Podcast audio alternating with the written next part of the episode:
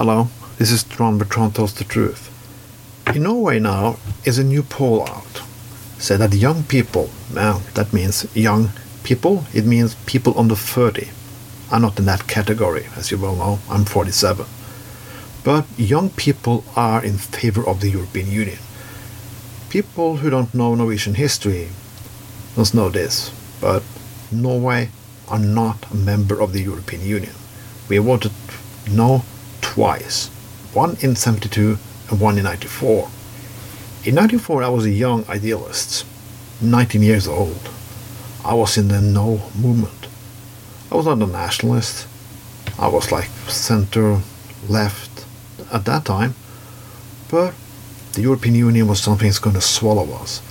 Norway has a little bit complicated relationship with the word union.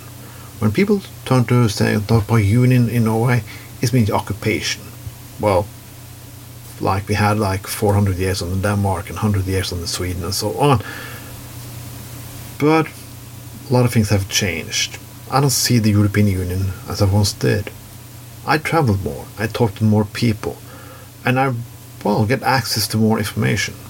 As I grew older, my politics views also changed.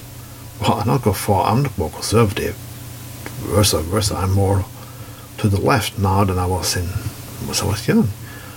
But when you grow older, you change. And I also have changed with time.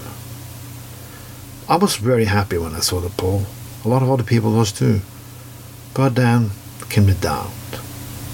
The same doubt I have every election when I see young people riding in the streets and hanging up banners and posters and yeah, right, make a lot of noise and with big engagement on Facebook and everywhere, everywhere else.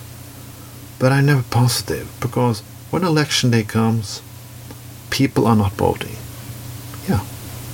The majority, you can talk about the silent majority and so what, but the silent majority have a, an obligation and the right and the possibility to vote. Well, there are strange voting laws in, in the United States but things can still be changed. We saw that in the last election. I don't think things are going to change in Norway. We have a big generation of people who want better, more radical environmental politics. I feel an old generation who doesn't give a flying fuck. They are harassing young people because they don't want Norway to get that independent on oil they are going to win the election, even if they are a majority, minority, because the majority of people who vote are 40 plus. Young people doesn't bother. And in Norway, that's even stranger, because it's one country where it's easier to vote is in Norway. Next year is a local election.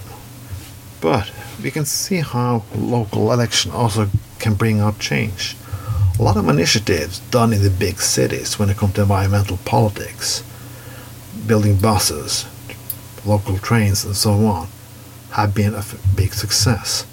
That later become national politics.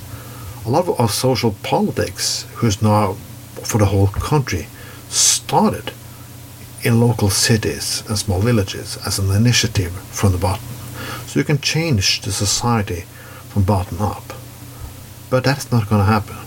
Because I'm afraid the next local election, young kids are not going to vote. I will tell you how easy it is to vote in Norway. It started early voting only two months before. You can vote some places at high schools, the library, any time of day. It's a big box standing on the center square here in Bergen. You can go in eight hours a day to vote. Early voting starts extremely early. And they have a system used that you can change. You can very big power of which candidate you want to get into the local government. Of a big list of many names, you can give personal votes on, on that list. So you can change a lot. But that's not going to happen. You say you should not blame the young people, but I do blame the young people Because how do they think the world gonna change?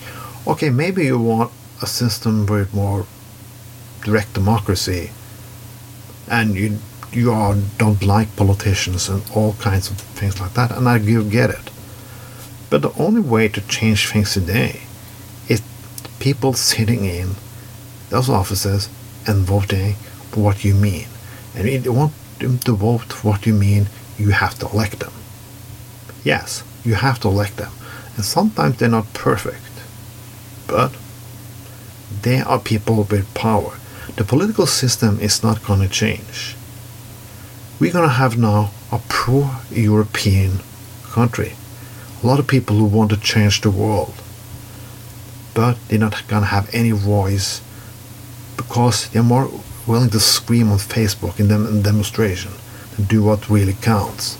And what really counts is, yes, you know what, voting. This was Tron tells the truth.